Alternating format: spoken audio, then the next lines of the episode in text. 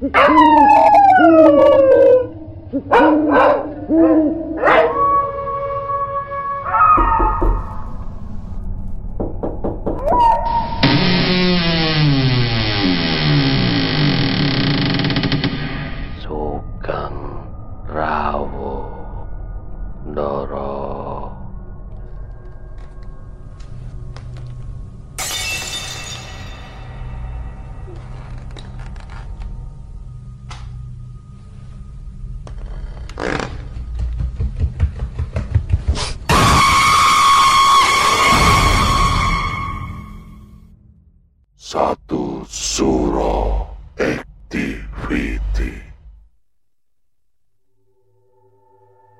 Assalamualaikum warahmatullahi wabarakatuh. Selamat malam. Rahayu, Rahayu, Rahayu, Rahayu.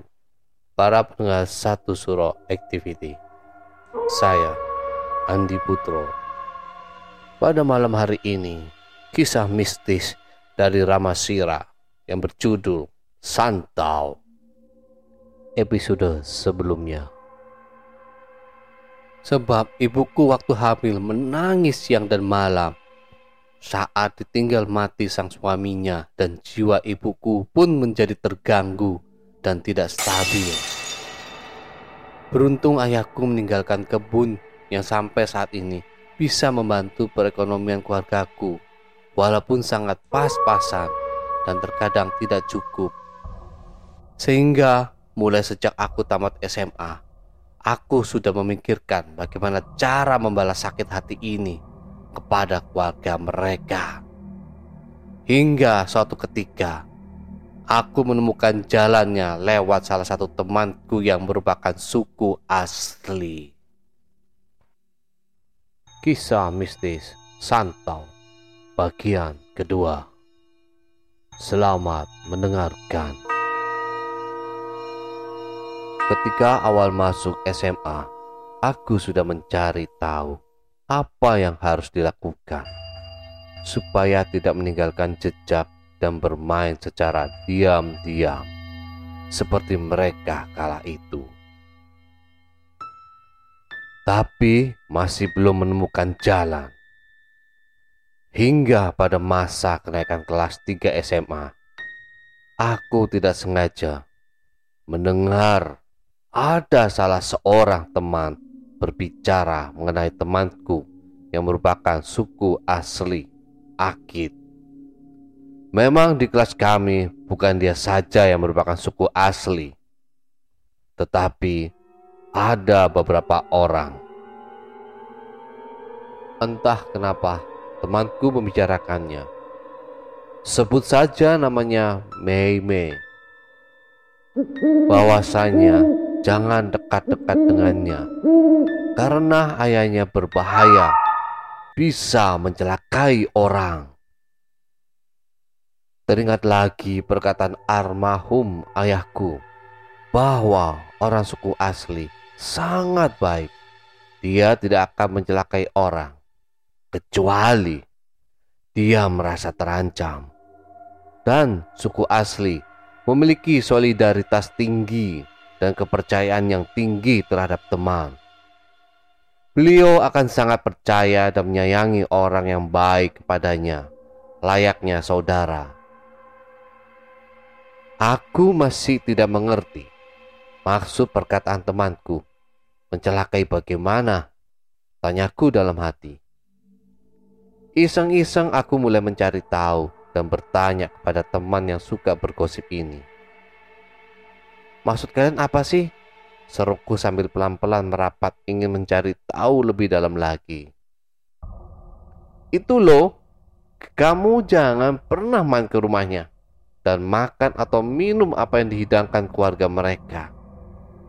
Karena nanti kamu bisa sakit atau lebih tepatnya kamu kena santau atau racun getah kayu Begitu yang ku dengar dari beberapa orang-orang. Jelas temanku. Aku cuma bisa tercengang sambil memikirkan sakit hati aku dan bagaimana cara melampiaskannya. Sejak saat itu, aku dengan sengaja mendekati Meme, selalu bergaul dengan dia, dan kami akhirnya menjadi sahabat. Dan memang benar, dia sangat-sangat baik kepadaku, dan keluarganya pun sangat baik dan ramah. Setiap ada apa-apa, aku curhat, dan dia pun curhat kepadaku kalau dia lagi ada masalah. Hingga tak terasa waktu pun berlalu, dan tanpa sadar, aku pun sudah lulus SMA. Dan akhirnya aku memberanikan membuka mulut, bertanya dan mengutarakan niatku kepada sahabatku Meme. Dia sangat pengertian dan ikut menangis bersamaku. Aku mengatakan, selama ini aku sangat menderita memikirkan sakit hati kepada keluarga Pak Martin dan Budi yang membuat hidup keluargaku berantakan. Dari raut wajah Meme, dia mengambil sedikit penderitaanku dan seraya menguatkanku. Dia pun berkata, Nanti aku cari tahu caranya Yawi Jelasnya Hingga seminggu pun berlalu, Meme mengajakku bertemu di sebuah pantai sembari liburan. Dan dia mengatakan bisa membantuku lewat ayahnya. Tetapi sang ayah meminta mahar sebesar 500 ribu setiap kali mau melakukan itu.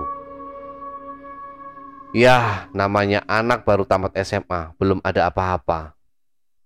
Beli bedak dan bensin aja masih mengandalkan hasil kebun.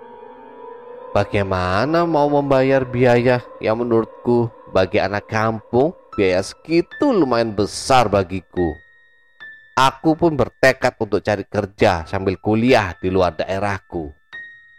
Aku mengambil salah satu jurusan yang menurutku cocok sama kemampuanku saat ini. Aku pun kuliah mengambil bagian sore hari. Dan pagi harinya aku bekerja serabutan asal diberikan tempat tinggal dan makan ditanggung. Sehingga uang gajiku yang tidak seberapa pun bisa terkumpul sedikit demi sedikit. Hingga beberapa bulan aku menderita di kampung orang dan jauh dari keluargaku. Rasanya itu sangat tersiksa menanggung semua ini sendiri tanpa ada orang lain yang tahu bagaimana penderitaan aku. Akhirnya terkumpullah uang sebesar satu juta rupiah. Dan di situ biaya untuk pulang pergi nanti. Supaya jangan menyusahkan keluarga. Karena adikku juga butuh biaya pendidikan. Hingga akhirnya aku sampai juga di kampungku. Aku segera memberitahu Meme bahwa aku sudah kembali untuk sementara waktu. Keluarga Pak Martin terdiri dari tiga orang. Anak pertamanya perempuan dan sudah menikah, memiliki dua orang anak. Anak keduanya laki-laki dan sepantaran denganku. Anak ketiganya laki-laki juga tetapi masih berusia belasan. Sementara anak Pak Budi, adik Pak Martin, dua orang perempuan semua dan masih lajang. Usianya pun sepantaran adik perempuanku. Anak Pak Martin yang nomor dua terkenal tampan dan memiliki wibawa dan baik hati. Adikku sangat cantik berambut panjang sedada, hidung mancung dan berkulit putih. Sehingga aku berencana menjodohkan mereka supaya lebih mudah buatku menyakitinya untuk balas dendam. Memang terlihat sedikit egois dan jahat. Namun, bagi kalian yang tidak mengerti bagaimana sakit dan menderitanya aku, kalian tetap tidak akan mengerti Akhirnya aku bertemu Mei Mei dan membicarakan perihal mahar yang diminta ayahnya. aku pun pergi ke rumah Meme dan mendapati ayah Meme sedang berbaring di teras belakang. Pak, ada Wiwi datang, seru Meme. Oh, seru ayah Meme sambil membenarkan posisi duduknya. Kamu yakin tidak akan menyesal? Lanjut ayah Meme bertanya kepadaku. Tidak pak, jawabku. Baiklah, kalau begitu kamu masuk ke rumah, ajak ayah Meme.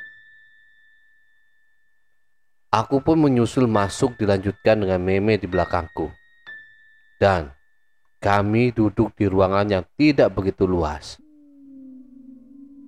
Masih bisa kulihat keluar rumah yang mana halamannya terdapat empat ekor babi peliharaan yang sedang berkeliaran. Setelah keluar dari dalam kamar sambil membawakan sebuah mangkuk yang terbuat dari batok kelapa dan dua botol kecil serbuk. Entah apa aku tidak tahu apa kandungannya. Satu memiliki tutup warna putih dan satu lagi warna hitam. Rupanya, dia telah menyiapkan seekor ayam jantan berukuran tanggung.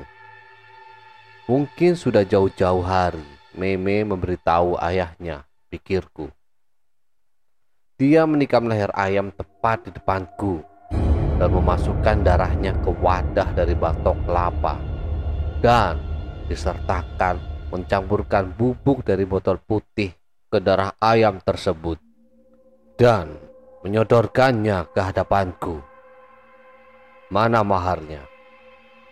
Bapak meminta mahar bukan sebab memanfaatkan kalian.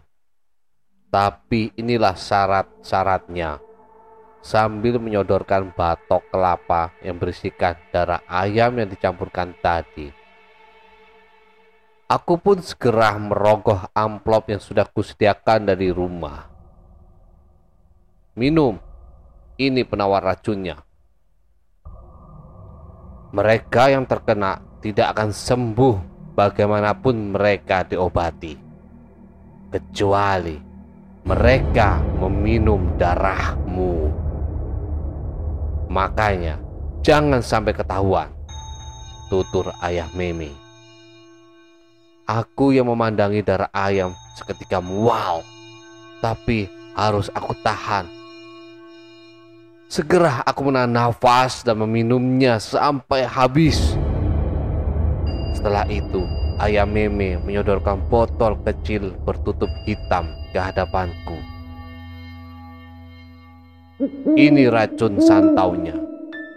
Satu botol kecil ini cuma bisa mengenai satu orang jadi, pikir-pikir siapa yang akan jadi sasaranmu.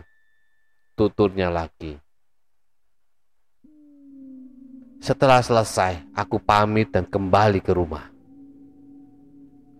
Setelah beberapa lama, anak kedua Pak Martin yang kujodoh-jodohkan sama adikku akhirnya mulai mendekati adikku yang memang adikku sangat cantik. Maafkan kakak dek, sebab memanfaatkanmu, gumamku dalam hati.